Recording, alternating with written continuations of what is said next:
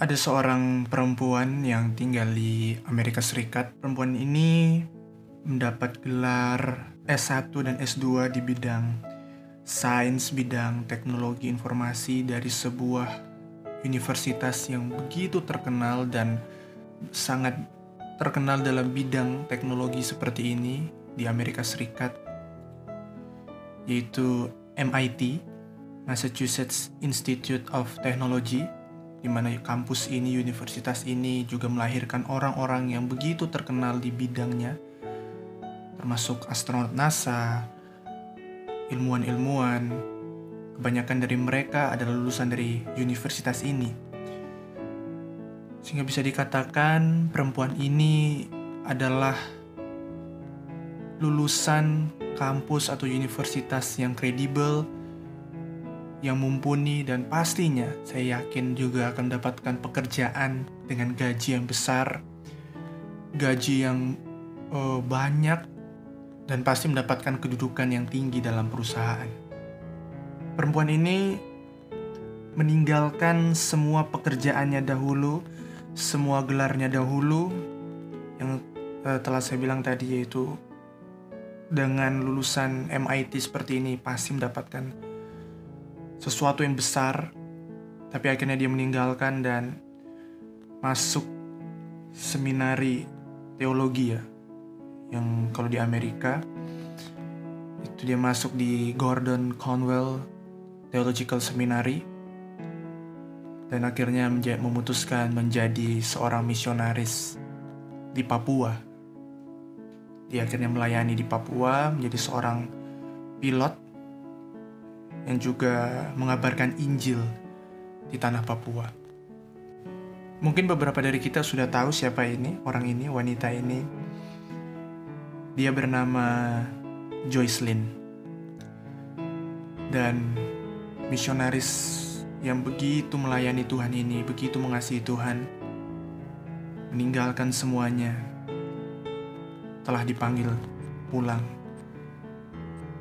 Ketika pesawat yang ia kendarai, yang ia terbangkan sendiri, mengalami kecelakaan di Papua. Ini merupakan sebuah teladan iman yang begitu luar biasa di zaman ini ya.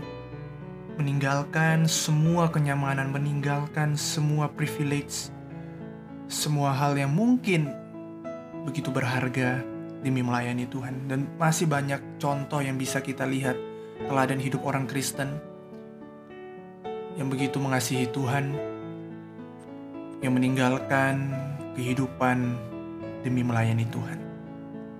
Bagaimana dengan saudara? Tuhan Yesus dalam Injil Matius pasal 16 ayat ke-26 berkata, Apa gunanya seorang memperoleh seluruh dunia tetapi kehilangan nyawanya? Dan apakah yang dapat diberikannya sebagai ganti nyawanya? Mungkin tidak semua di sini yang mendengarkan atau orang Kristen di seluruh dunia terpanggil menjadi seorang misionaris atau seorang hamba Tuhan yang melayani Tuhan penuh waktu. Tapi itu bukan alasan bagi kita untuk tidak melayani Tuhan. Karena kita bisa melayani Tuhan sesuai dengan apa yang telah Tuhan percayakan kepada kita. Tidak selamanya menjadi hamba Tuhan tapi ketika kita menggunakan semua keahlian, talenta, bidang yang Tuhan percayakan kepada kita untuk mendapatkan hal-hal yang sementara kita mengejar dunia ini dan tidak mengejar Injil, tidak membagikan Injil bagi orang-orang, sehingga kita terfokus bagi diri kita sendiri. Dan seperti kata Tuhan Yesus, ketika kita mendapatkan seluruh dunia, tapi kehilangan nyawa kita. Ketika kita bekerja, kita korupsi, kita bekerja, kita tidak membawa terang Injil Kristus itu.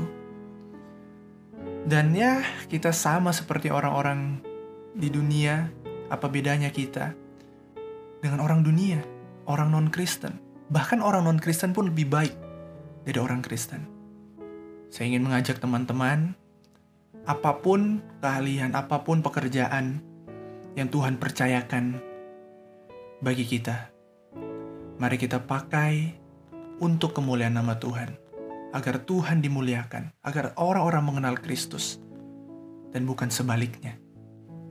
Percayalah kepada Tuhan Yesus, serahkan hidupmu, serahkan pekerjaanmu, apa yang Tuhan percayakan kepadamu, kepada Tuhan Yesus. Percayalah Dia sebagai Tuhan dan Juru Selamat, maka engkau akan selamat dan muliakanlah Tuhan dengan tubuhmu, dengan hidupmu. Sekali lagi, renungkanlah kalimat ini. Apa gunanya mendapatkan seluruh isi dunia jika kita kehilangan nyawa kita? Terima kasih, Tuhan Yesus memberkati.